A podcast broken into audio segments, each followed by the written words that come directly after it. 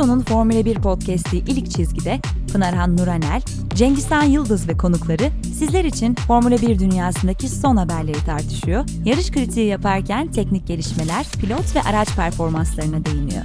İlk Çizgi başlıyor. Herkese merhabalar. İlk Çizgi'nin yeni bölümüne hoş geldiniz. Ee, yine yeni bir hafta ve biz buradayız İlk Çizgi ekibi olarak. Ee, bu hafta yanımızda bir de konuğumuz var. Ee, çok sevdiğimiz bir abimiz yine bizimle birlikte. Uzun yıllar Türkiye Grand Prix'sinde de görev yapmış ve e, aslında Türkiye F1 TV tarihinden beri e, TV'de de yorumculuk yapmış. Şimdi de farklı platformlarda yorumculuğuna devam eden Koran Şavran'la birlikteyiz bugün. Hoş geldin Koran abi. Merhaba, merhaba. Ee, bugün senin yorumlarına beraber e, heyecanlı Fransa Grand Prix'sinin ardından konuşalım istiyoruz. Ee, çok çok keyifli. Yani çok çok keyifli demeyeyim. Keyifli bir yarış oldu.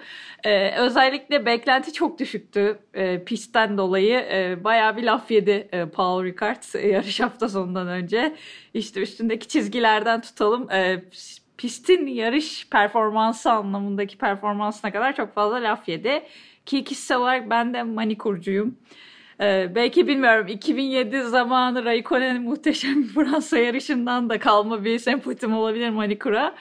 Ee, ama e, ya orada olsa daha çok tercih ederim ben de açıkçası. Ee, ama buna rağmen çok keyifli bir yarış oldu. Bu sezon e, çokça burada da konuştuk. E, başka mecralarda da konuşuyoruz. Zaten heyecanlı bir sezon geçiyor. Daha böyle çok uykumuzu getiren bir yarış izlemedik. Belki Monaco biraz görece daha stabildi ama orada bile bir sürü şey oldu.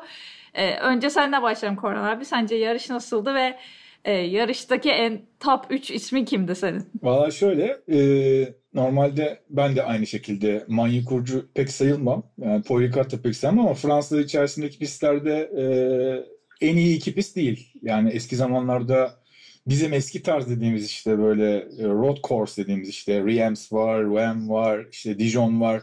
O zaman o yarışlar benim daha çok ilgimi çekiyor. Ben daha biraz böyle eski tarafta e, olduğum için. Ama gözlerimiz kanalı tabii yani.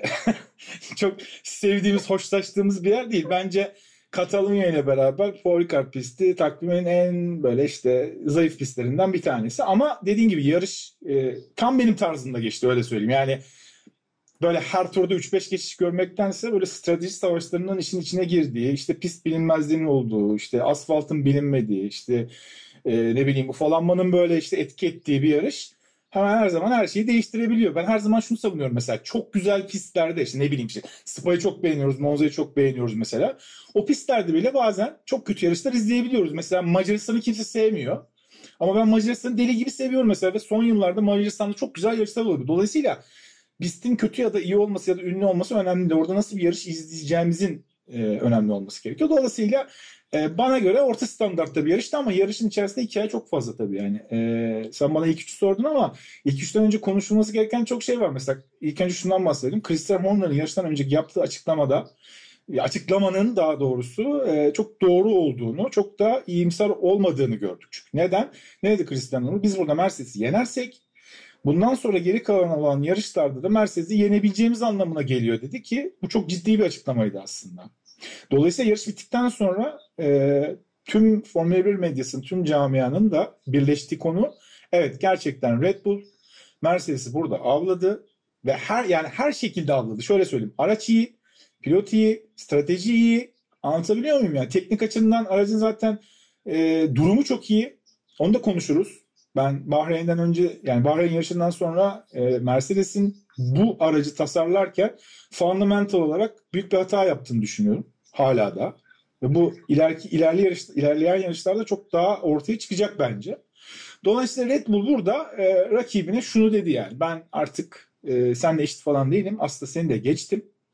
Zaten puan tablosu da onu gösteriyor. E, biliyorsun Max 12 puan e, Louis'e pilotlu takımlar şampiyonasında da baya baya ufak ufak yani baya demeyeyim de ufak ufak farkı açıyor ki biliyorsun iki yarış üst üste Avusturya Red Bull League'de kendi evlerinde olacaklar. Bu da artı bir psikolojik avantaj getiriyor ki o pist de zaten Red Bull'u Red Bull Honda'yı çok suit eden bir pist. Dolayısıyla daha iyi olma ihtimalleri de çok yüksek. Yani sonuç olarak Mercedes için alarm zilleri e, yavaş yavaş değil böyle bangır bangır çalmaya başladı diyelim. Ben de Korhan abinin bitirdiği yerden alayım.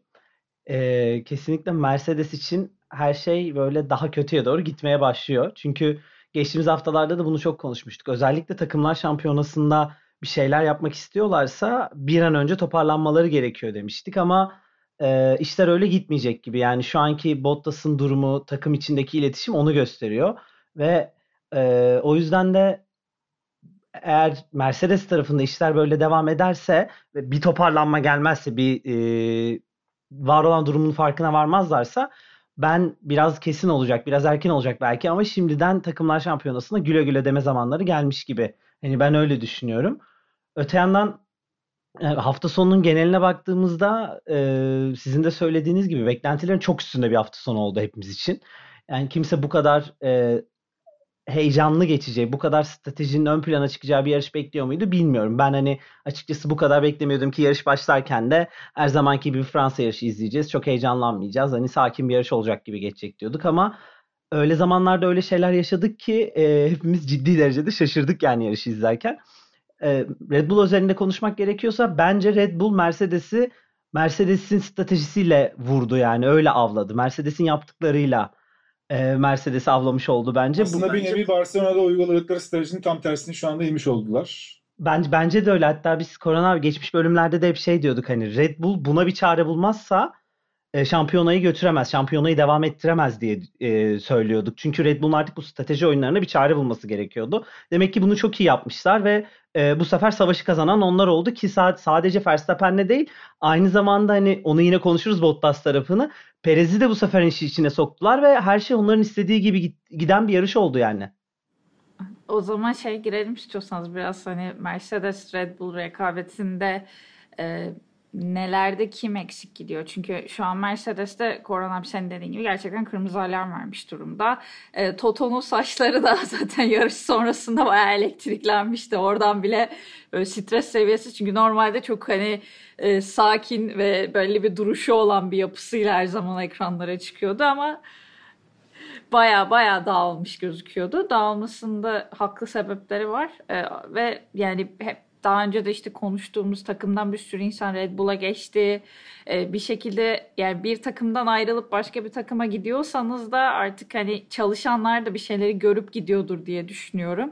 Ee, sadece hani daha iyi teklif aldım işte 3 katı para veriyoruz falan da demiyordur Red Bull muhtemelen. Yani öyle bir bütçe yok çünkü bu sezon. Ee, o yüzden hani başka şeyler için oraya gidiliyor diye düşünüyorum. Bunlar da Toto'yu çok endişelendiriyordur. Bottas da üstüne şey oldu bu hafta sonu iyice orada da kayışlar koptu gibi. Özellikle Bottas'ın radyo konuşmalarından da yani Bottas'ı bile sinirlendirmeyi başarmak büyük bir iş bence. Ee, onu da e, başardılar. Oradaki ilişkiyi bir an önce kotarmaları gerektiğini düşünüyorum. Ee, siz ne düşünüyorsunuz o tarafla ilgili? Şimdi şöyle söyleyeyim Pınar. Ee, normalde yani 2014'ten başlayan hibrit dönemde en zor sezonu Mercedes geçiriyor. Bu açık ve gerçek yani. Bu e, apaçık ortada. Yani hiç bu kadar zorlanmamışlardı. Öyle söyleyeyim. Yani e, şöyle diyeyim. Hmm, mesela çok büyük kural değişikliklerinin olmadığı 2022'de konuşuyoruz ya köklü kural değişiklikleri olacak vesaire falan. Yani çok fazla elin hatta budget cap'ten dolayı biraz daha takımları geliştirme çalışması yapamadığı bir dönemde Mercedes'in hepimizin bu sezon yine geçmiş sezonda olduğu gibi şampiyonluğu alıp götürmesini beklerken bir anda çok tersi bir durumla karşılaştık aslında. Bu aslında Mercedes de çok şaşırtmış durumda. İşte ben o yüzden diyorum yani sezon başından itibaren bu e, low rake high rake konusu var ya oradan fundamental olarak Mercedes aracı tasarlarken ciddi bir hata yapmış olabilir. Dolayısıyla bu elini çok bunu konuşacağız zaten. Yarış içerisinde de yani yarış strateji içerisinde konuşalım bunu. Bunu değinmek istiyorum. Dolayısıyla e, onlar da zaten şu anda pek farkında değiller. Yani bu böyle büyük bir kural değişikliği olmamasına rağmen biz nasıl bu kadar geriye düştük ilk 6-7 yarışta gibi kendi kafalarında bir şey var. Şimdi şunu söyleyeyim. Mers, e, Red Bull üzerinde konuşalım. Red Bull e, şöyle söyleyeyim. İlk virajda Verstappen'in yaptığı hataya rağmen, geçilmesine rağmen santim santim işleyerek çok iyi bir undercut yarışın ortasında ilk pit stopta. Nefis yani. Santim santim yenilenmiş. Çünkü neden santim santim yenilenmiş diyorum? E, Mark Verstappen undercut'a geldiğinde 3 saniye fark vardı Lewis Hamilton'ın arasında. Bu undercut yapmak için çok ciddi bir... Yani undercut dediğimiz olay çünkü 2,5 saniye ile maksimum 4 saniye arasında olan bir şey. Arada fark varsa undercut yapamazsın zaten.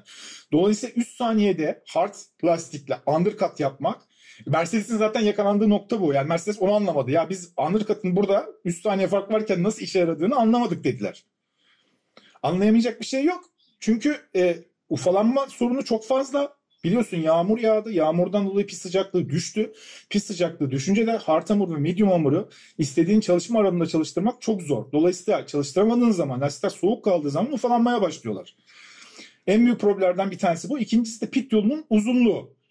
Bunu hesaba katmamış olabilirler diye düşünüyorum. Dolayısıyla çok iyi icra edilmiş bir undercut'la Louis ilk pit stop'a geçtiler. Dahası e, ufalanma sorununu çok yerinde fark edip tek pit stop stratejisinden iki pit stop stratejisine çok yerinde bir hamleyle, çok cesur bir hamleyle. Çünkü düşünsenize rakibiniz 11 saniye ve siz orada bir risk alıyorsunuz ve iki pit stop'a dönüyorsunuz. Hani Barcelona'yı konuşuyorduk ya tam tersi. Hani şimdi Lewis tamam çok iyi bir pilot ama yani lastik ufalanmasının çok kritik olduğu bir yerde dolayısıyla e, Mark Verstappen'in ve Red Bull'un aldığı bu karar çok cesur bir karar. Ve bunu da çok çok iyi uyguladılar. Tabi orada anti bir parantez açacağız Perez'e. Şimdi e, Perez gerçekten orada çok büyük işler başardı. Biz hatta e, Okay abiyle yarıştan önceki programda Örüc'de konuşmuştuk bunu. Bu yarış aslında ikinci pilotların yarışı olacak. Dolayısıyla Bottas, Perez, Ricciardo ve Sainz neler yapacak diye konuşuyorduk.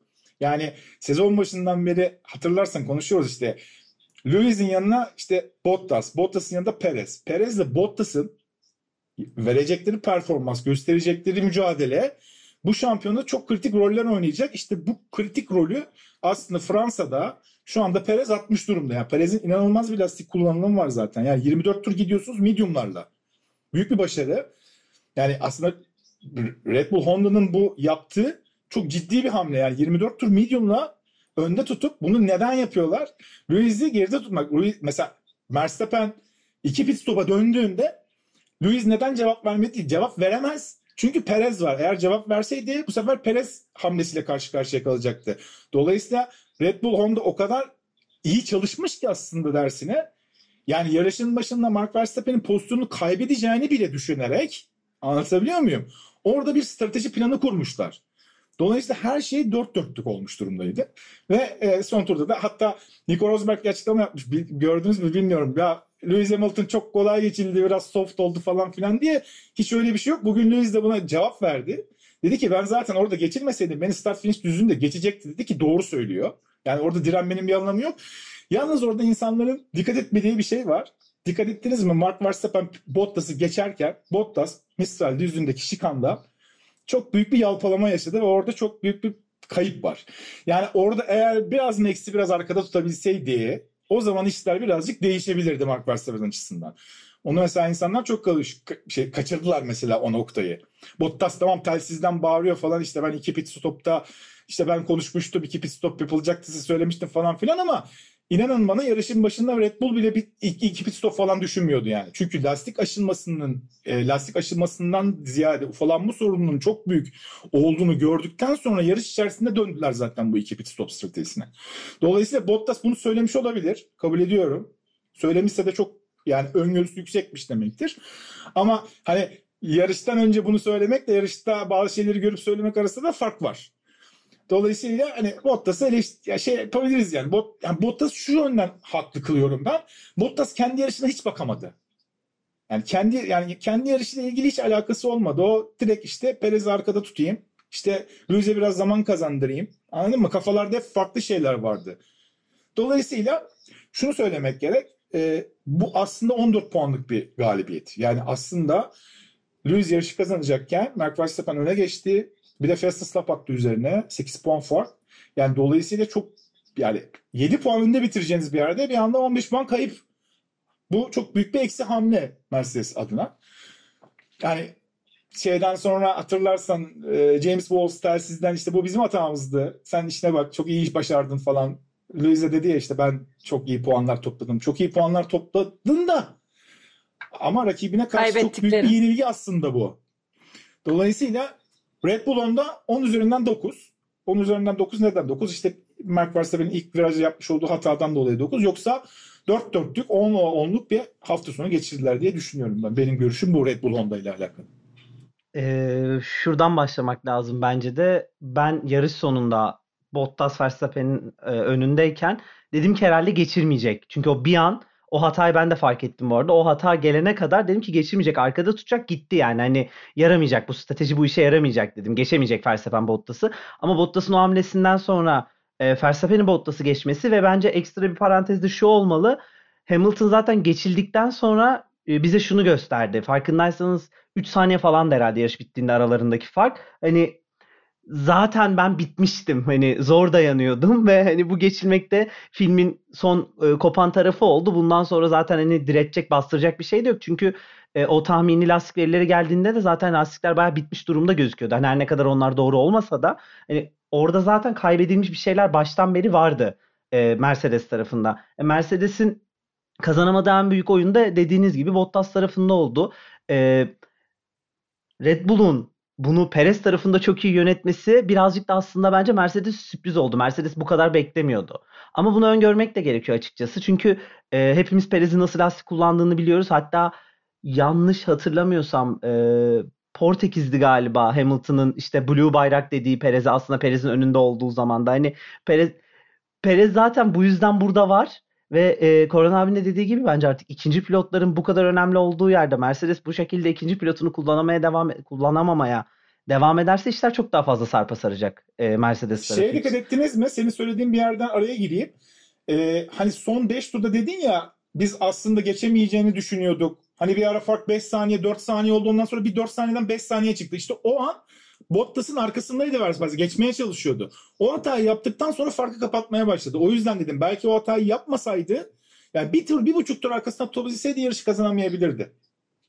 Ben, bence de öyle. Yani o oradaki o minik hata kesinlikle belki de hani kesinlikle demeyeyim de belki de o geçişi sağladı ve orayı şey yaptı ki hani son turda geçti zaten hepimiz gördük.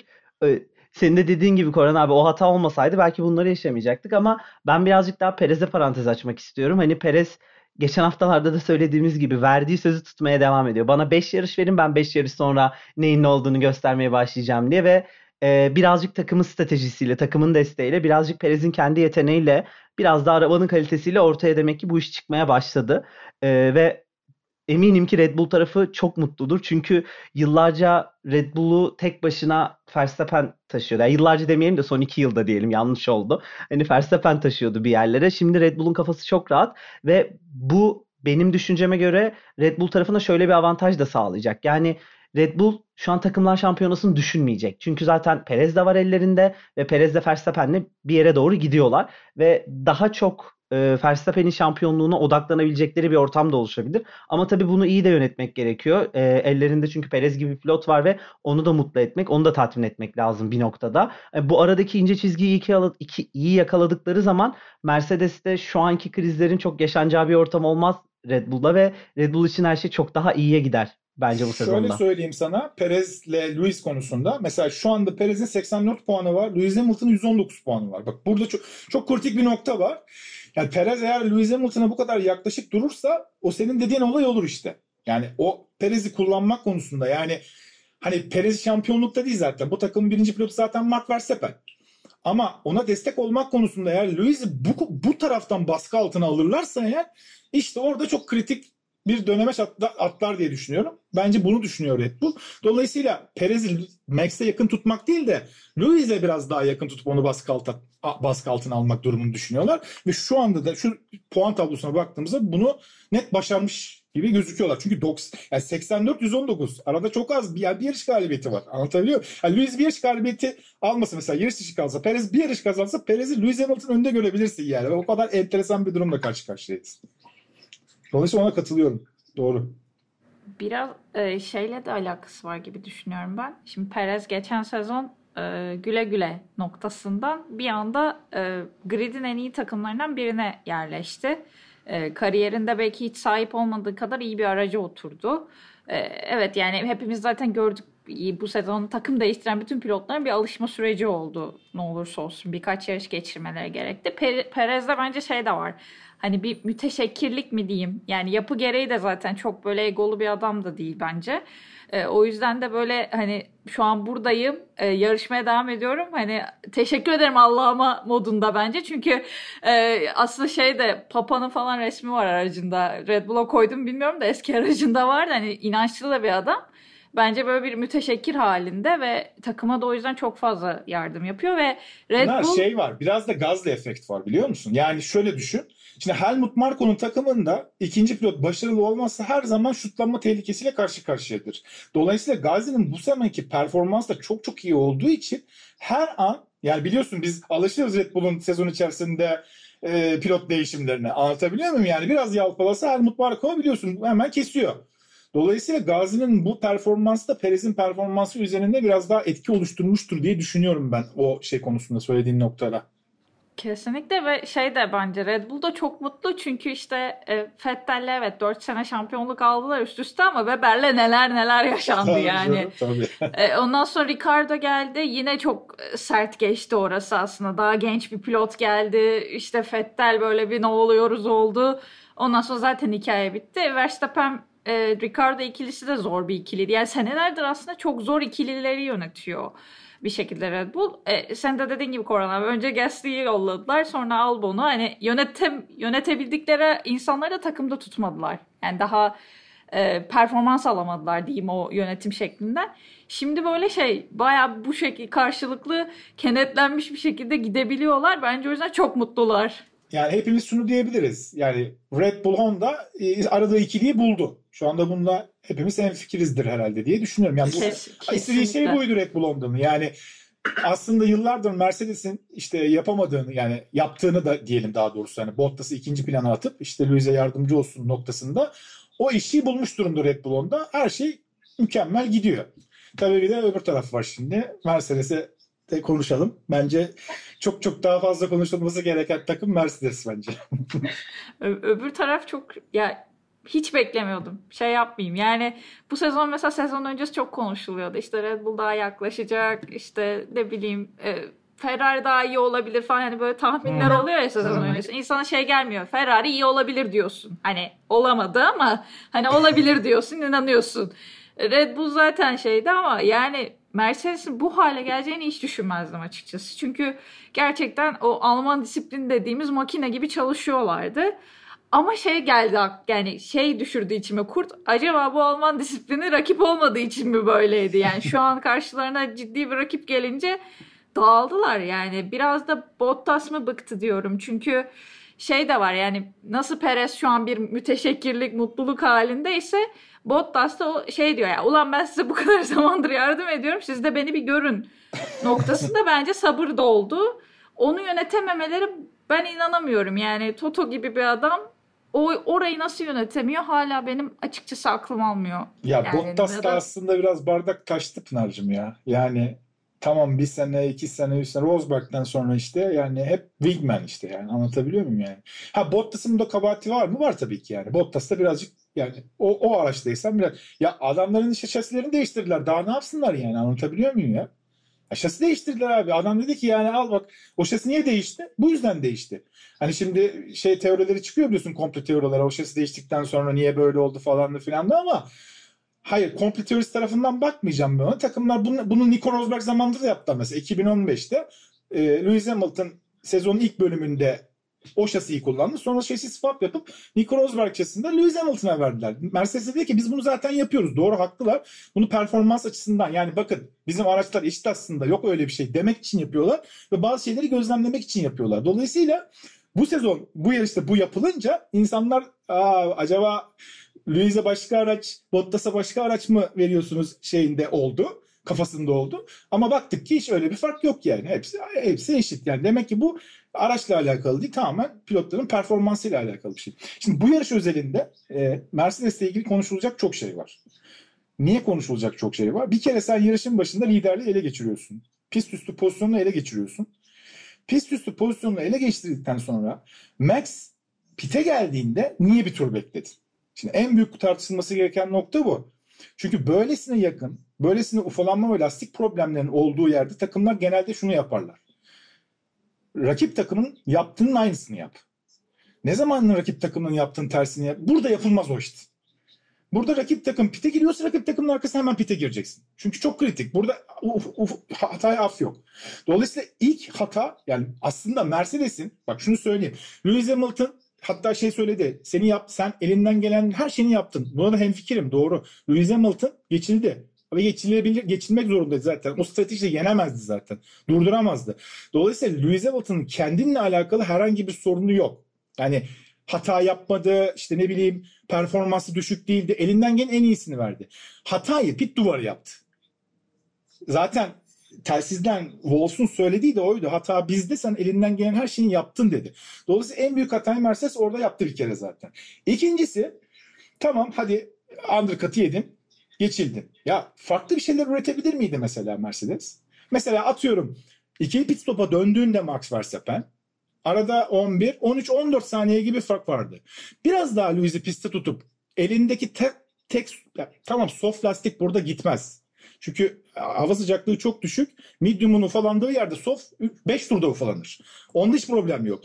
Ama bu strateji zaten geçilece- geçileceğin kesinleşmiş gibi bir şeyken ben olsaydım e, Mercedes'in pit duvarının yerinde son 12-13 tur kala bir soft denemesi yapar. Elinde taze softun var çünkü hiç kullanılmamış bir softun vardı. Onu alıp onu alıp hızlı lastikle gidebildiğim yere yarışın son turlarında iki turlarında Mark Verstappen'i yakalayacak bir strateji yapabilir miydim diye düşünürdüm geçilmektense. Bence ben olsam öyle düşünürdüm mesela. Dolayısıyla Mercedes yarış içerisinde bir strateji üretemiyor.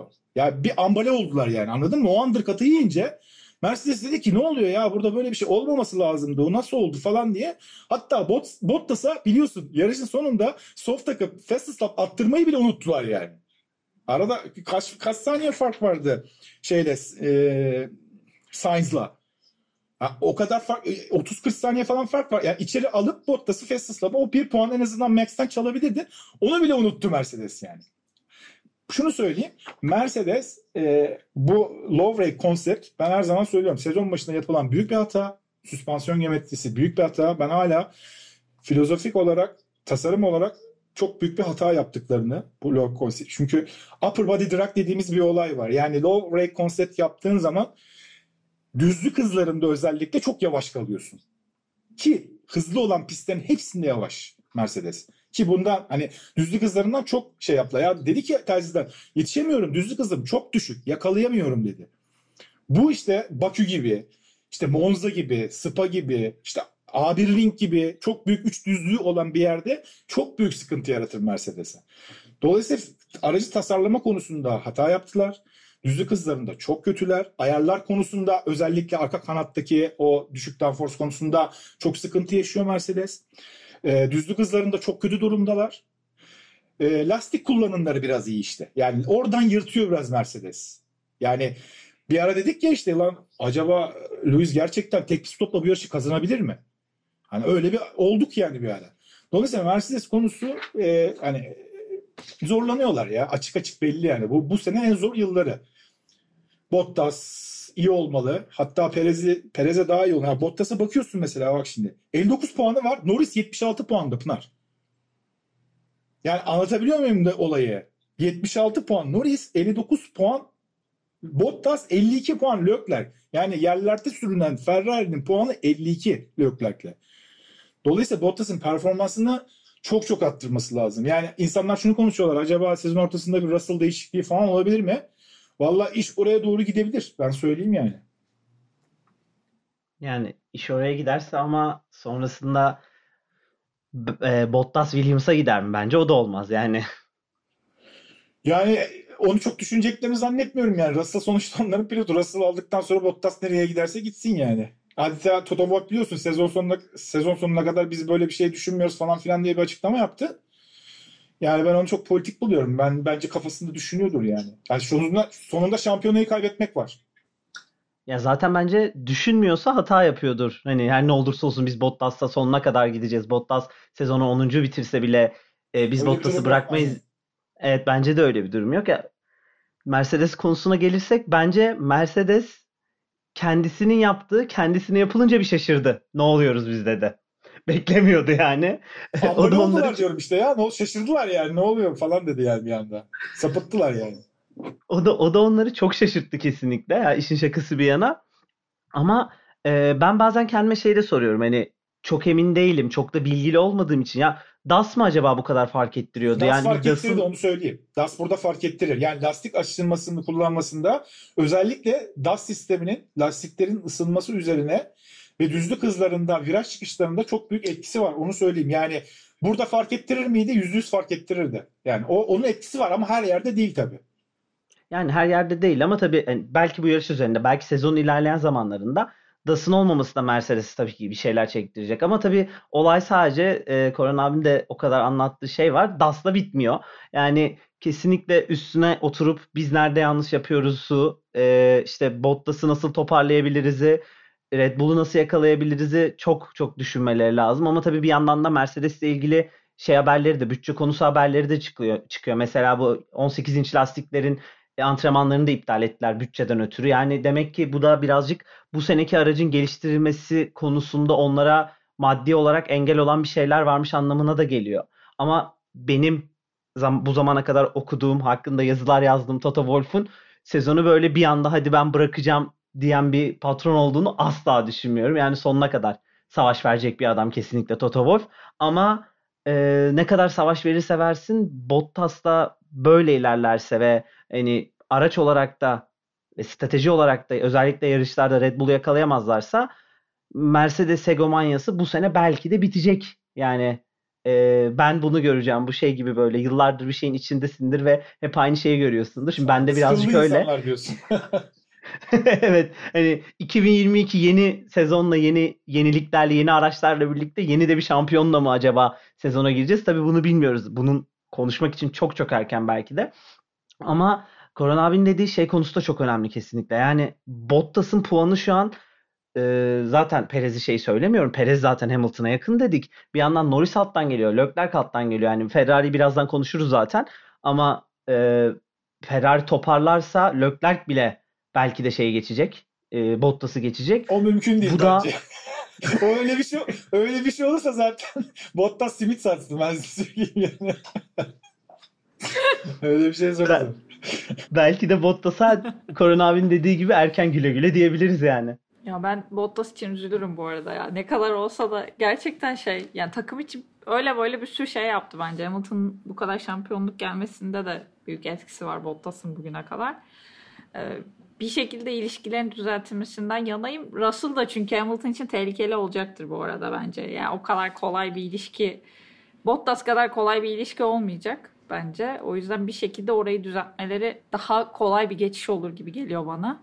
Ama bu saatten sonra da Koran abi senin de dediğin gibi yani sabrı taşmış bir insanı da tekrar geri getirmek çok zor. Yani hele bir de üst üste aynı şeyler devam ediyor şu anda. Yani böyle tam şey diyorum tam bu hafta artık yani Toto bunu görüp düzeltir. Yani Toto üzerinde demeyeyim ya da yani takım bunu görüp bir şekilde burayı düzeltir diyorum. Daha da kötüleşiyor her hafta. E şimdi bir de 3 yaş üst üste girdik aslında. O da zor yani. E, böyle bir ara verip nefes alacakları bir an yok. Muhtemelen evlerine bile gitmeyip e, işte Fransa'dan Avusturya'ya geçmişlerdir belki de. E, hiç vakit kaybetmemek adına. E, böyle bir durumda dağılmak çok daha kolay. Ee, ki gördüğüm kadarıyla Bottas'ın yanında kız arkadaşı da var. Yani Hı-hı. biraz böyle o da e, yanında olmaya çalışıyor bu tarafta. E, takımda yalnız hissediyor Bottas çünkü bence. Yani yanında kimse yok. Bir şekilde elini tutup çekme çekiyorlarmış gibi yapıyorlar. E, ama yine kaybeden Mercedes oluyor bu durumda. O yüzden bir şekilde çözmeleri lazım ama bu Russell'lı olursa biraz çirkin de olur bence yani açıkçası. Hani tabii ki bu iş şey yani kazanmak için her yol mübahtır dediğimiz olay yani burası bir evet. para kazanılan bir yer sonuçta yani sadece şey de değil. Hadi abi şey yarışa çıkıyoruz bir ortamda değil. Yani şey var bir de Russell 12 bitirdi ya. Şu anda yani bu Fransa Grand Prix'sinde gelebileceği en iyi nokta yani. Bak 11 değil 12 Russell'ın gelebileceği en iyi nokta yani. Hani bundan daha iyisini yapsa zaten al Bottas'ı çıkar hemen Russell'ı koy zaten yani. Bir puan muan alsa yanlışlıkla. İşler çok daha farklılaşacak. Ama sana katılıyorum ya o noktada biraz daha sabır yani. Ben şöyle düşünüyorum. Ya bu sezon belli ki Max Lewis'in savaşı olacak. Bu sonuna kadar devam edecek. yani çok büyük bir setback görmüyorum ben. Gerilemeyecekler. Çok arada böyle 60'lar 70'ler puanlar olmayacak. Böyle gidecek belki 10, 25, 3 falan. Ama finali ne belirleyecek? Bana göre ikinci pilotların senesi ya. Bu ikinci pilotlar çok belirleyici olacak ki Fransa'da gördük işte. Burada ilk ilk kan akıt yani. Bir de ikinci pilotlar hakikaten belirleyici. Diyorum mesela 14-15 puan bir anda oynadı mesela. Sırf Bottas Perez hadisesi yüzünden yani. Bakma. E, 3 tane 4 tane yarışta böyle olsa 100 puan yapar yani. Daha bitti gitti işte bu kadar dar bir tight sezonda şampiyonluğu belirler. Dolayısıyla o noktada bilmiyorum ya Toto'nun kafası çok karışıktır bence. Yani alsam mı almasam mı Hani dediğin gibi Russell getirirsen bu sefer Lewis'in performansını etkiler mi? Gider de ondan yarış çalmaya çalışır mı? Gibi kafalarda çok büyük soru işaretleri de olur. Yani çok zor. Yani Mercedes için gerçekten çok zor bir sezon ve inanılmaz derecede baskı altındalar.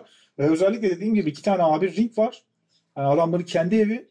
Burada çok güçlü olacakları bir pist. Onları çok suit eden bir pist. Dolayısıyla çok sıkıntı yani. Burada iki tane Mark Verstappen galibiyeti Mercedes'i hani zilleri değil şeyleri çaldırmasına falan kadar gider. Davullar, mavullar, zurnalar çalar yani. Öyle söyleyeyim. Ya Fransa'da şey duymuşsunuzdur zaten. Hamilton geçilince tribünler yıkıldı yani. Bir daha bir ringi düşünemiyorum. Hani muhtemelen zaten şey Hollandalılar gelir yine oraya da gelirler. Orası zaten uçacak yıkarlar. Yani ki bu da çok kötü bu arada. Yani çok gördük bunu. Pilotlar geçilince tribünlerin ayaklandığı. Daha önce de gördük. Alışılmadık bir şey değil ama işte yani sen geliyorsun bu kadar rekor kırıyorsun. F1 tarihinin belki de işte en şaşalı pilotlarından biri oluyorsun millet seni yuhluyor orada ya da sen geçirdin diye seviniyor. Yani o anlamda da zor bir savaş. İki, yar, iki yarış sonra hangi yarış var? Britanya'ya gidiyoruz Silverstone'a. Bak şimdi çok enteresan yani. Bu takvimi istesen böyle ayarlayamazsın mesela yani. Düşünsene iki yarışta Asturya'da Mark Verstappen kazanmış. Öyle 60-70 puan lider İngiltere'ye geliyor. Sen gör Silverstone'daki şamatayı şimdi ondan sonra. Oradan da Zandvoort'a geçecek galiba. Hollanda'ya geçecek Aynen, yani. Aynen aksine. Hadi buyurun şimdi bakalım. çok ilginç şeylere gebe yani. Bu sezon gerçekten çok keyifli geçiyor bence. Geçen sezon ya da ondan önceki sezona nazaran. Kesinlikle katılıyorum ben de. Ee, biraz diğer pilotları da konuşalım istiyorum. Yani bu iki takım arasında konuşulacak çok şey var ama... Tamam anlıyorum. Sen Fethel'e gelmek istiyorsun.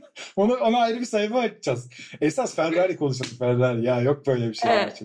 Ferrari yine ya geçen seneye döndü. Yani geçen sene dönse iyi. Pınar geçen seneye dönse iyi. Ya abi o kadar acayip ki 5-7 başlayıp tamam mı? 11-16 bitirmek nedir ya?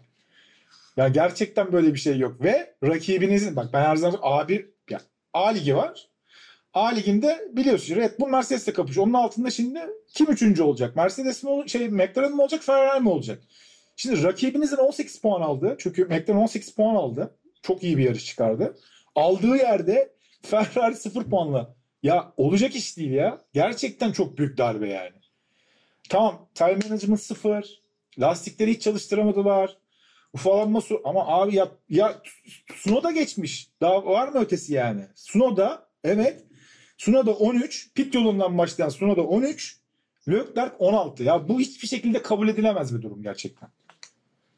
Ya işte yıllardır söylüyorum ben ya dilim artık tüy bitti dilimde ben 10 yıl önce falan dedim yani Ferrari bir 15 yıl falan şampiyon olacak millet bana gülüyordu. Ya olur mu öyle şey falan filan diye. Ya olur öyle şey abi. Şeyde de konuştuk. Arrive Bene bu takımı toplayacak bak son 10 yıldaki tek kişiydi. Adamı gönderdiler. Adam gitti Juventus CEO oldu ya.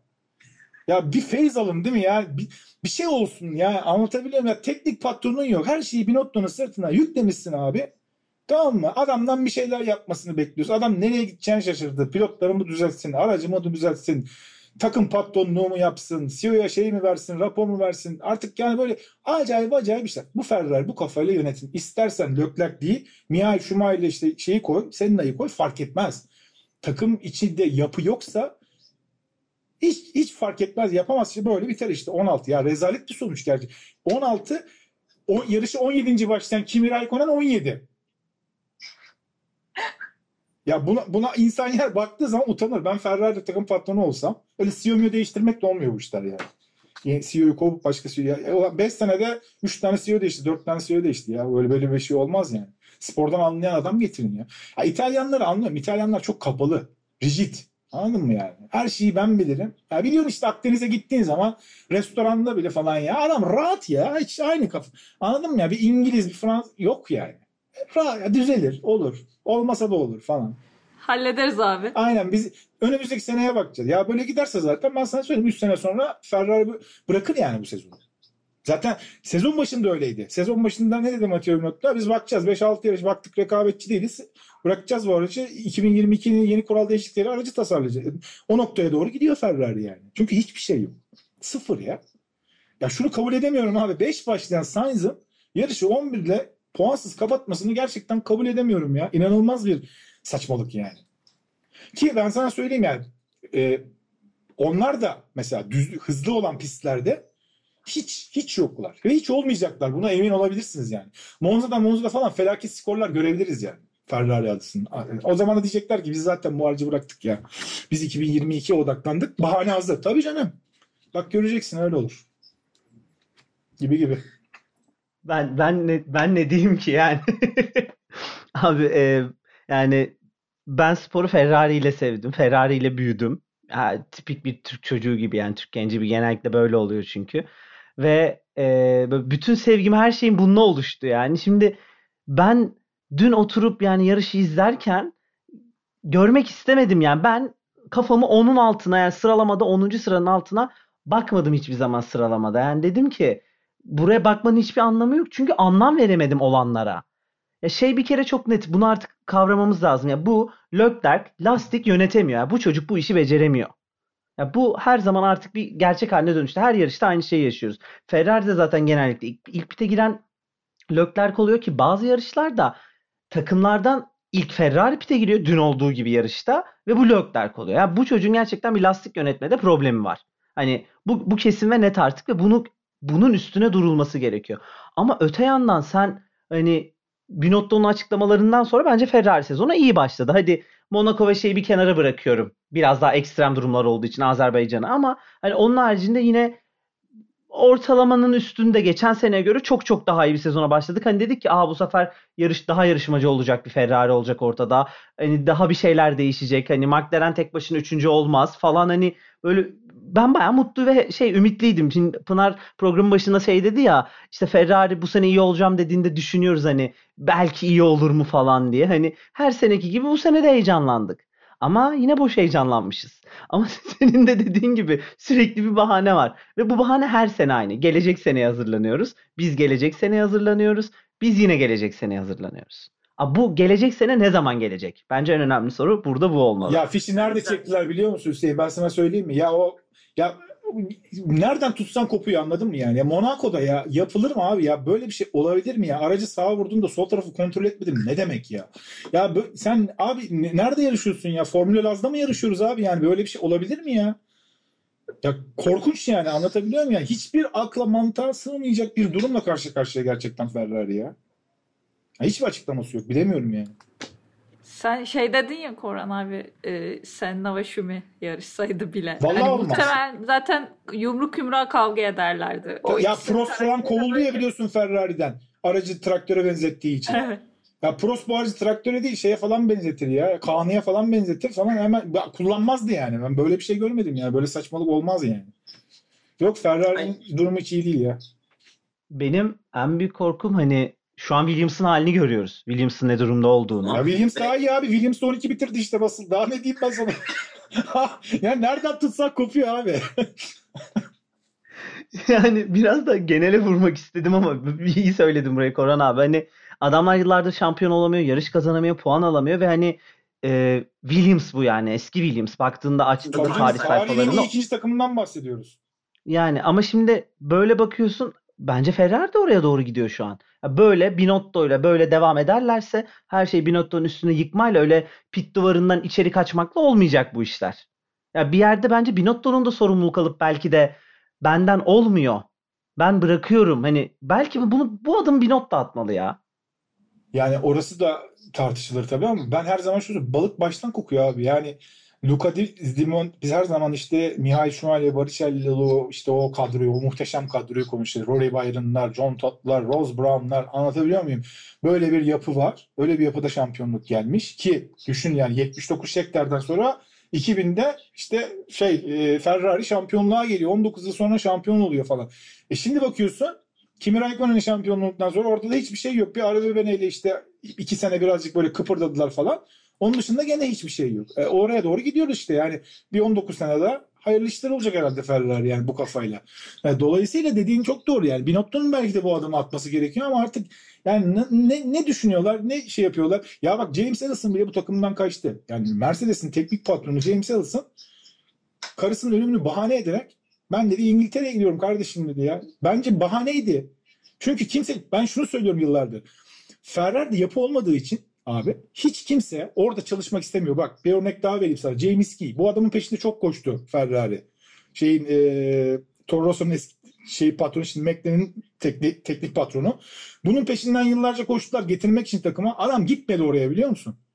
Niye gitmedi? Çünkü kimse o takımla çalışmak istemiyor. Çünkü rahat değiller orada. Anlatabiliyor muyum? Çok kapalı, çok rigid bir takım. Çok böyle şeyleri, prensipleri hiç böyle şey olmayan, gevşek olmayan, esnek olmayan bir takımla karşı karşıya. Biliyor çünkü. insanlar biliyor. Konuşan bizden çok fazla duyuyorlar, görüyorlar. Anlatabiliyor muyum? Mühendislerle konuşuyorlar. İşte pit duvarındaki ekiple konuşuyorlar. Mekanikerlerle konuşuyorlar. Anlatabiliyor muyum? Basınla konuşuyorlar. E bakıyorlar. Bir şey olmaz diyorlar abi yani. Dolayısıyla çok zor ya. Bu kafa değişmeden, bu yapı değişmeden, işin başına ehli bir adam gelmeden yani kafaya tapa, CEO mudur artık o nedir? Enzo Ferrari midir? Şey, Enzo Ferrari oğlu mudur? Anlatabiliyor muyum? Bunlar bir şekilde o da çok silik bir adam zaten yani. Öyle böyle bir adam değil yani. Bu, bu mu değişir, o mu değişir artık bilemiyorum. Bir şekilde bu kafanın tamamen silinip yeni bir sayfa açılması gerekiyor. O da bence 2022 yani 2022'de hem madem ki kurallar değişiyor, zarlar yeniden atılıyor. Abi biz siz de bir şeyleri değiştirin ya artık olmuyor yani bu belli işte. Kimi Raikkonen'den beri Ferrari ortada yok. O şampiyonluk bile tartışılır ya. O şampiyonlukta Lewis Hamilton'ın armağanıdır zaten her zaman söylüyorum ben yani. Hiç kusura bakmasın insanlar yani. Şey e, bunu daha önce de belki söylemiş olabilirim programda. Ben e, ara ara takımlara başvurduğum için, iş başvurusu yaptığım için bütün takımların şeyini gördüm neredeyse. İş başvuru süreçlerini en azından nasıl oluyor diye. E, Ferrari'de mesela şey vardı. Hani giriyorsunuz, üniversitenizi seçmeniz gerekiyor. Belli üniversiteler var. Onlar da genelde bu Ivy League dediğimiz top üniversiteler. Birkaç tane Avrupa'dan da üniversite koymuşlar. Bunun dışında e, başvuru bile yapamıyordunuz. Yani belli yerlerden olmanız gerekiyor. E, bunları da hani bu kadarını görebildim ben yani içeriden bir olarak içe, iç, o süreçten. Bu bile bir şey anlatıyor bence Ferrari ile ilgili. Yani sen diyorsun ki ben şöyle şöyle insanlar istiyorum. Hani şu okullardan e, böyle karakterde ki takımın hepsi bu arada e, buraya da değinmek gerekirse full şey yani bir iki tane kadın var zaten içeride. Onun dışında full erkek full beyaz çok e, belli yani belli standartlarda insanlar alıyorlar ama sonuç yok. Yani o zaman şey demek gerekiyor. Ya abi biz biraz geride kaldık. Hani komik bir örnek olacak biraz ama mı? geçtiğimiz hafta hani Victoria's Secret benzer bir e, duruma geldi. Dediğim gibi komik bir örnekleme olacak ama işte biz biraz fazla erkekleri dinlemişiz. Aslında ürünleri kadına satıyoruz. Biz kadınları da dinlememiz lazım ve melekleri kaldırıyoruz dediler. Hani inanılmaz Victoria's Secret'ın bütün marka konumlandırması buydu ve kırıp geçtiler ki bence yine kötü. Hani artık 2021 yılında mı yapıyorsun bunu hala bu değişikliği? Ferrari'nin de böyle bir şey yapması. Yani biz geride kaldık. Tarihin tozlu sayfalarında kaldı bizim yapımız. Ee, bazı şeyleri içeriden değiştirmeleri gerekiyor. Yani belki bilmiyorum dediğin gibi Korhan keşke Enzo Ferrari gibi yani gerçekten yarışmayı seven biri gelse. Yani tekrar o eski günlerine hani biz araba satmayalım da Aynen. yarışalım önce Aynen. diyelim diyecek bu işi seven tutkulu birileri gelse ki İtalya'dan bunun çıkmaması da bana çok acayip. Yani tamam İtalyan istiyorsunuz. İtalya'da böyle tutkulu insan nasıl bulamıyorsun? Yani tifosilerden birini getirsen daha iyi yönetir takımı ya şu anda. Ya keşke yarış kazanmak için araba satsalar ya. Yani Enzo Ferrari'nin söylediği iki cümle yani anladın mı? Yani hani tamam eyvallah da ya ben iki gündür neyi bekliyorum biliyor musun? Komik olacak şimdi strateji mühendisi yine de var ya onun iki, yarıştır böyle Twitter'da aynı şey gibi işte Mercedes'e özendiler. Tamam mı? Yarış stratejisi falan anlatıyorlar falan. Neredesin ya? Yine bir, bir strateji anlat da dinleyek mesela. Vallahi de billahi de bekliyorum mesela. Yok çünkü yani. Ne strateji Yok anlatacaksın ki. ki abi? Ne anlatabilirsin yani? Biz 5-7 başladık ama puan alamadık ya. Bir strateji konusu adam koymadı ya. Yok piyasada yok bak. Ya çok komik. Gerçekten inanılmaz şeyler oluyor Ferrari'de. Şeyi anlatır ya. 5-7 başlayıp nasıl 17-16 bitirdik? Nasıl puan Onu alınmaz? da anlatsın abi. Ben onu bekledim mesela yani. Bir anlat bakalım nasıl becerdiniz bunu. Ben onu bekledim yani ama göremedim bir türlü. Yani şey de olabilir. Şu şu hatalarda yaptık. Bu hatalarımızın sonucunda biz bunu gördük. Hani Ya bunu anlat. yüzü yok abi yüzü yok. yüzü yok çıkma televizyon anlatın. Ya tifosi kızacak bize ama Ferrari'de hata yok. Sıkıntı o zaten. Hata yaptık diyemiyorlar. Çıkıp biri hata Aynen. yaptık, şurada şunu yaptık. Kendi içlerinde bile diyemiyorlar. Yani bunu basına söylemeye geçtim. Kendi içlerinde bile toz kondurmadıkları için bence bu halde. Aynen. Dese ki biri deriz. biz buralarda hatalıyız. Değiştirmeye de oynarlar o zaman diye düşünüyorum. Ama öyle biri yok bence içeride. Herkes kendini şakşaklıyor durumunda içeride bir şekilde. Kesinlikle katılıyorum. Yani bilemiyorum. Ferrari'nin durumu çok sıkıntılı. Ben kişisel şah, şah- şahsi fikrim eee McLaren'ın zaten sezon başında da öyleydi. Geçeceğini düşünüyorum Ferrari'yi üçüncülükte. Eee, Dolayısıyla Ferrari de aynı Mercedes gibi çanlar çalıyor yani. Bilmiyorum artık A1 ringde ne olur. A1 ringde iki tane daha böyle bir 20 puan 20 puan yerlerse şeyden McLaren'dan onlar da yavaş yavaş fiş çekme noktasına gelebilirler ki yani normal zaten dördüncülü de kaybederse zaten yap- yapacak bir şey yok yani ne diyeyim. Zor. Ferrari işi çok zor. O zaman yeri gelmişken McLaren'e gelelim. Cengiz Han sana sorayım bu sefer ilk önce. Ricardo'yu bekliyorduk. Uzun bayağıdır her program bekliyorduk. Aa, o Sonunda da benim adamım Hüseyin Bey. sonunda gel yani geldi gibi oldu. En azından daha Ha, işte güzel puanlara. yani hani. Yani mutluyuz öyle diyelim önce. Ben de Ricardo'yu çok seviyorum ve benim arkadaş çevrem aşırı bir Ricardo fanı olduğu için otomatikman her yarış ben ona ben onlara Ricardo'nun neden bu yarış başama, başaramadığını, sorunların ne olduğunu falan böyle her yarış sonrası veya yarış anında bunlar tartışılıyor. İlk defa bu yarışta çok tartışmadık. Ben de rahat rahat bir yarış izledim. Hani Ricardo için çünkü iyi bir gün oldu, iyi bir hafta sonu oldu. Yani başladığı yerin e, ötesinde bitirdi. E, belki e, şeyi sorgulayabiliriz daha geç pite girebilir miydi? Daha geç pite girseydi bir şeyler değişir miydi? Yani belki bunu sorgulayabiliriz. Ama şöyle de bir şey var. Yani eğer Ricardo kendisi de erken alındığını düşünüyorsa o zaman buna neden itiraz etmedin? Hani ben iyi durumdayım, gidebilirim. Beni bu kadar erken pite almayın. Ya bu kadar itiraz etmeden direkt pite girdiğine göre de demek ki onun da pite girme ihtiyacı vardı. Öte yandan Norris hani kendi ayarlarına döndü diyelim. Norris Norris gibiydi. Ee, kendi ayarlarında iyi bir yarış tamamladı. Ee, yani Norris zaten bu sezon inanılmaz ya. Gerçekten çok iyi yani. Ekstra ekstra iyi. Bence hani e, belki de Mercedes veya başka takımlar biz nasıl bu adamı kaçırdık diye olabilirler böyle bir yeteneği ama çocukluğundan beri McLaren'de büyüyen bir pilot yan, yanılmıyorsam. E, McLaren için temiz e, daha iyisini isteyemezlerdi herhalde bu hafta sonu. Hani Bence de. onlar için olabilecek en iyi hafta sonu oldu. Ferrari'nin puan almadığı bir hafta sonunda şampiyonanın en üst takımlarının altında yarışı bitirmek.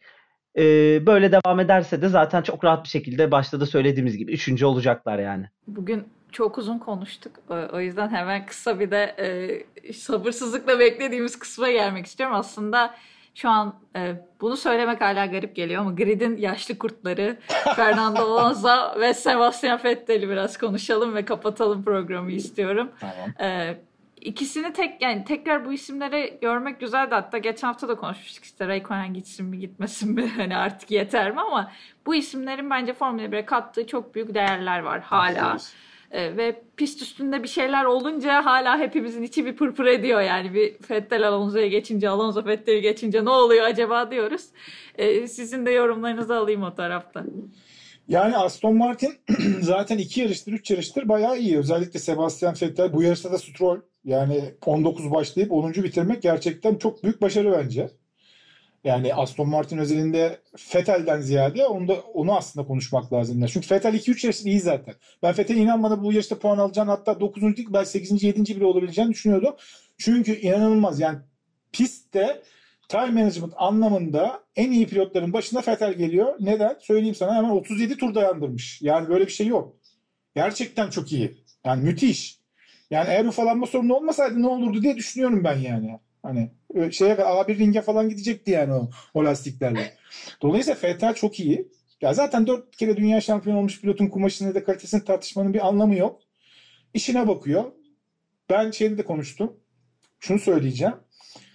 E, Lawrence Stroll gibi çok ama çok businessman olmasına rağmen şunu yapabilirdi ya bu takım benim. Oğlum da bu takımın birinci pilotu. Bana ne ya Fettel'den deyip tamam mı? Yanına işte Latifi tarzında, Mazepi tarzında bir adam koyup tamam mı? Kendi oğlunu parlatabilirdi. Ama adam Fethel'i o takıma getirdi.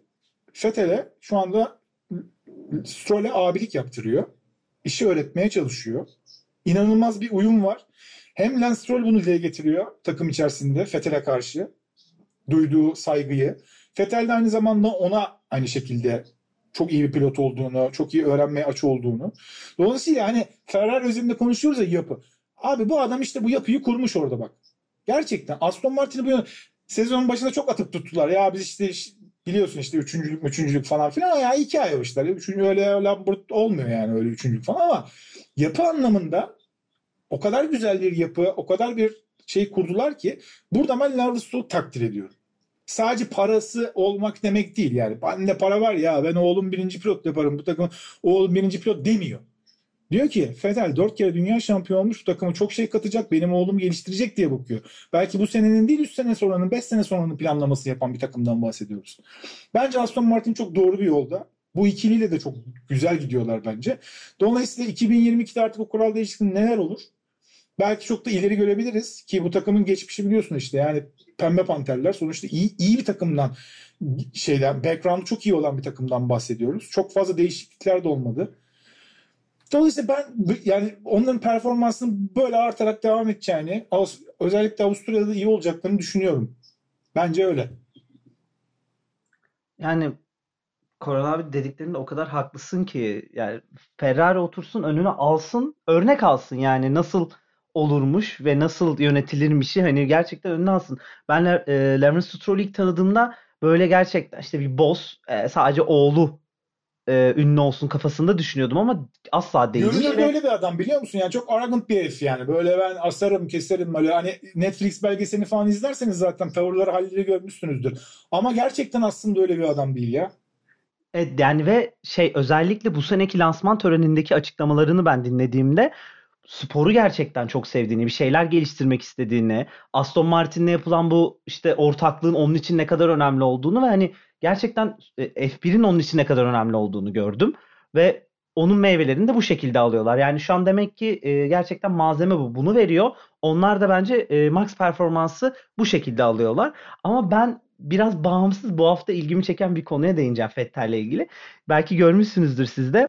Mick Schumacher yarıştan sonra Fethel'i yanına çağırıyor ve arabada bir şeyleri inceliyorlar. Yani çok duygusal bir andı benim için. Ben böyle gerçekten şimdi de tüylerim diken diken oldu yine. Hani e, Fet, bu da Fethel'in aslında padoktaki değerini gösteriyor diğer pilotların karşısında. Yani gerçekten bir abi olduğunu, bu işi gerçekten iyi bildiğini ve insanlara yol gösterdiğini. Yani egosunu tamamıyla bir kenara bırakıp hani bu diğer pilotlar ego diye demiyorum. Egosunu tamamıyla bir kenara bırakıp gerçekten sporu daha iyi nereye taşıyabilirim ve onun için önemli olan, onun için idol olan bir insanın emanetine nasıl karşı bir değer verebilirimi gösterdi bence bu hafta sonu. Hafta sonunda bence en güzel olay buydu. O geçmişten bağlanan bir şey var orada. Yani şöyle biliyorsun Vettel ilk Formula 1'e başladığında yani kendine idol olarak gördüğü kişi Michael Schumacher'di ve aralarındaki ilişki inanılmaz iyiydi. Dolayısıyla o zamanlardan Mick Schumacher bazı şeyleri görmüş olmalı ki yani bu aile içerisinde demek ki konuşulmuş ki anlatabiliyor muyum? Hani Fethi'nin ne kadar değerli olduğunu, ne kadar bilgisi olduğunu e, anlatılmış ki dolayısıyla onu orada farklı bir takım pilotundan gelip oraya işte başka bir takım pilotuna abilik yaptırmak. Abi işte şurası nasıldı? İşte ben hatta şunu bile düşünüyorum. Belki telefonda bile konuşuyor olabilirler. Yani yarış değerlendirmesi kendi aralarında bu basına yansımaz. Geçmiş dönemlerde de böyle pilotlar hatırlıyorum ben. Aralarında konuşuyor bile olabilirler yani. Ne yapmalıydım, nasıl olmalıydı, biz şunu böyle yaptık diye bir bilgi alışverişi, bir feedback yapıyorlardır kendi aralarında yüzde yüz. Dolayısıyla o nokta beni şaşırtmadı. Ha, güzel bir görüntü müydü? Kesinlikle güzel bir görüntüydü. Ama background'da beni şaşırtmadı yani. Bunlar oluyordur. Özellikle yani hani dediğim gibi yani yani Schumacher'den gelen bir durum var zaten orada. Bunlar oluyordur. Yani iyi bir çok güzel bir görüntüydü. Mick Schumacher'ın kariyeri zaten bakacağız nereye kadar gidecek. Bu, takımı bu değil yani zaten. Hasmas değil yani. Mazepin'le falan yarışması skandal zaten yani. Adamın Formula 1'de yarışması bile bence skandal yani Mazepin'den adamın yani. Dolayısıyla bakalım güzel güzel olacak. Alonso diyordun Pınar. ben Vettel ile ilgili önce bir şey ekleyeyim bir de. Geçen hafta Bakü'de de, geçen hafta dedim iki hafta önce. Bakü'de de işte podyuma çıkınca bir anda bütün pilotlar Vettel'in yanına geldi. Yani gencinden e, daha e, olgun jenerasyona kadar tebriğe geldiler. Şey hissiyat var. Ben hep şey diyordum. Acaba Vettel bir takım patronu olur mu? Ya da bir takımda böyle bir e, danışman gibi bulunur mu diye ama acaba diyorum bu kadar detaycılığı, bu kadar kurallarla ilgilenmesiyle FIA'ya mı e, Vettel'i soksak emeklilik sonrası? Çünkü oraya bir ihtiyaç da var. E, bütün pilotlara çok iyi bir ilişkisi var. E, yani beraber yarışmadığı insanlar bile şey Vettel'in ne kadar ilgili, hani çoluğunu çocuğunu sorduğunu, işte eşini, e, akrabalarına kadar herkesin bildiğini ve bunları sorduğunu anlatıyor. Yani Mick Schumacher görüntüsü zaten muhteşemdi ama bence hani umarım zaten kariyeri daha sürer pilot olarak ama inşallah ileride yani Whiting'in yerini kimse dolduramaz ama en azından şu anki kadrodan daha iyi bir kadro kuracağına eminim o tarafta açıkçası. Mesaj alındı Masi. Buradan iletiyoruz diyormuşum. ee, Al Alonso'ya gelecek olursak yani Alonso ve Ocon'un ikilisine aslında gelmek istiyorum. Onlar da aynı sonu... ilişki ya. Bak Vettel ile Lance Stroll ilişkisi gibi aynı. Ben yani Alonso'yu e, şöyle çok takdir ediyorum. Alonso çok daha e, egoları yüksek, e, çok daha e, kendi etrafında dönen bir pilottu. Yani yetenek olarak Eskiden öyleydi. Kara- karakter olarak. Ama Eskiden inanılmaz değişmiş. mesela ben Alonso'yu biliyor musun? Hiç. Evet inanılmaz değişti bence. O da çok olgunlaşmış ve çok abileşmiş gibi hissediyorum. Ve takıma çok şey yani eskiden de bir şeyler katıyordu Alonso takım ama şu an bence kattığı şeyler çok daha değerli olduğunu düşünüyorum ben. Yüzde yüz haklısın. Yani e, Ocon 14, Alonso 8 bitirdi. Alonso 9 başlamıştı. Ben o üçlüde mesela e, Alfin, Aston Martin, Alfa Tauri üçlüsünde sezon sonunda e, bu üçlünün ilk sırasını Alfin'in alacağını düşünüyorum. Hala daha. Hatta gerideler şu anda. Şöyle söyleyeyim. Alfin'in 29 puanı var. Aston Martin 40 puanla, Alfa Tauri 45 puanla. Yani arada ciddi yani kendi performanslarına bakıldığında ciddi bir fark var. Ama ben yine de bir şekilde Alfin'in bu grupta Alfa Tauri ile kafa kafaya ya da liderliği alabilecek bir performans sergileyeceğini düşünüyorum. Çünkü neden bunu söylüyorum? Gazi çok iyi ama Japon arkadaş biraz iyi değil. Dolayısıyla oradan çok kaybediyorlar. Dolayısıyla Ocon ve Alonso ikilisi çok daha komple, çok daha işi bilen, pist düzeni performansı çok daha iyi yansıtabilen pilotlar olduğu için biraz da gelişirlerse ki teknik kısmı bu sene çok iyi e, Alfi'nin. E, budgetları da çok iyi. Dolayısıyla Renault'un muadil bir takım olduğunu biliyoruz zaten. Dolayısıyla o anlamda Alonso gibi pilotları da var zaten. Ocon gibi de çok iyi bir Fransız pilotları var. Dolayısıyla komple bir Fransız takımı gibi olmuş. İşte Alain Prost biliyorsun işte advisor falan yani. Dolayısıyla o, orada şu anda onlar da iyi yoldalar. Yani bu grup içerisinde bu konuştuğumuz takımlar içerisinde en kötü durumda olan takım net Ferrari. Her takım iyiyken onu söyleyeyim yani. Hani McLaren iyi, Alfa Tauri ya bir şeyler yapanlar var yani bir stratejileri var. Bir şeyler yapıyorlar. Ferrari hiçbir şey yapmıyor. Yani aynı bu has gibi ya. Hani sezonun biliyorsun araç bile tasarlamadan gelen has gibi Ferrari. Yani has. Ve ondan sonra kim kimi söylersin bana performans olarak hiçbir şey görmedin diye Ferrari derim ben sana yani. Ya Williams bile bir şeyler yapmaya çalışıyor. İşte yani görüyorsunuz. Dolayısıyla yani güzel bir hafta sonu, güzel bir yarış hafta sonu oldu ama ben Avusturya'da çok çok daha iyi yarışlar çok, çok seviyorum ben A1 ringi eski adıyla.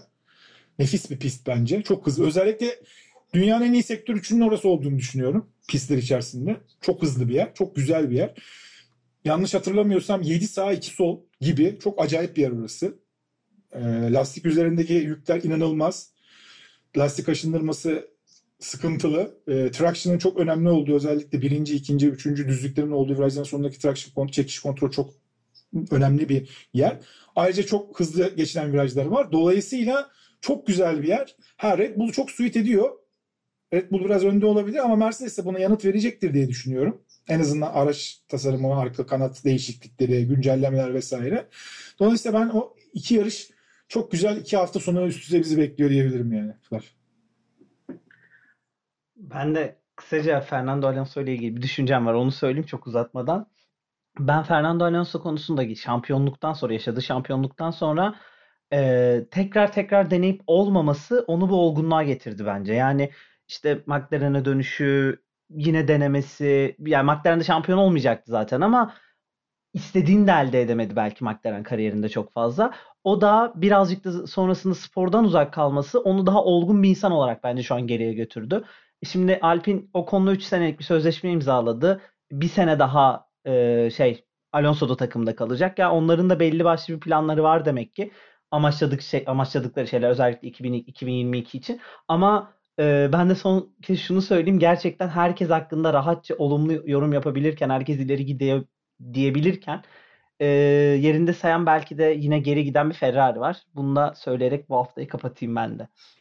Yüzde yüz. Yani puan durumu falan zaten hani söylememiz gerekir mi bilmiyorum ama McLaren 110, Ferrari 94. Yani çok acayip. McLaren 110 olması, Mercedes'in 170 178 olması. Yani geçen sene arada 107 puan falan fark vardı yani geçen seneye baktığında. Bu sene aralar çok daraldı. Dolayısıyla çok acayip bir tight bir sezona da gidebiliriz. Mesela işte Bakü'deki yaşanan olaylar bir iki yarışta olsa mesela ortalık çok daha fazla karışabilir. O zaman sezon çok daha güzel olabilir mesela. Öyle bir şey bekliyorum mesela. Avusturya'da keşke olsa öyle bir şey ki Ondan sonra işte Britanya var zaten. Çok güzel bir takvim geliyor arkasından. İşte Monza'nın olduğu, işte Britanya'nın olduğu, Spa'nın olduğu falan. Sezonun en güzel tarafında böyle bir tight bir sezon olursa zaten tadından yenmez diye düşünüyorum.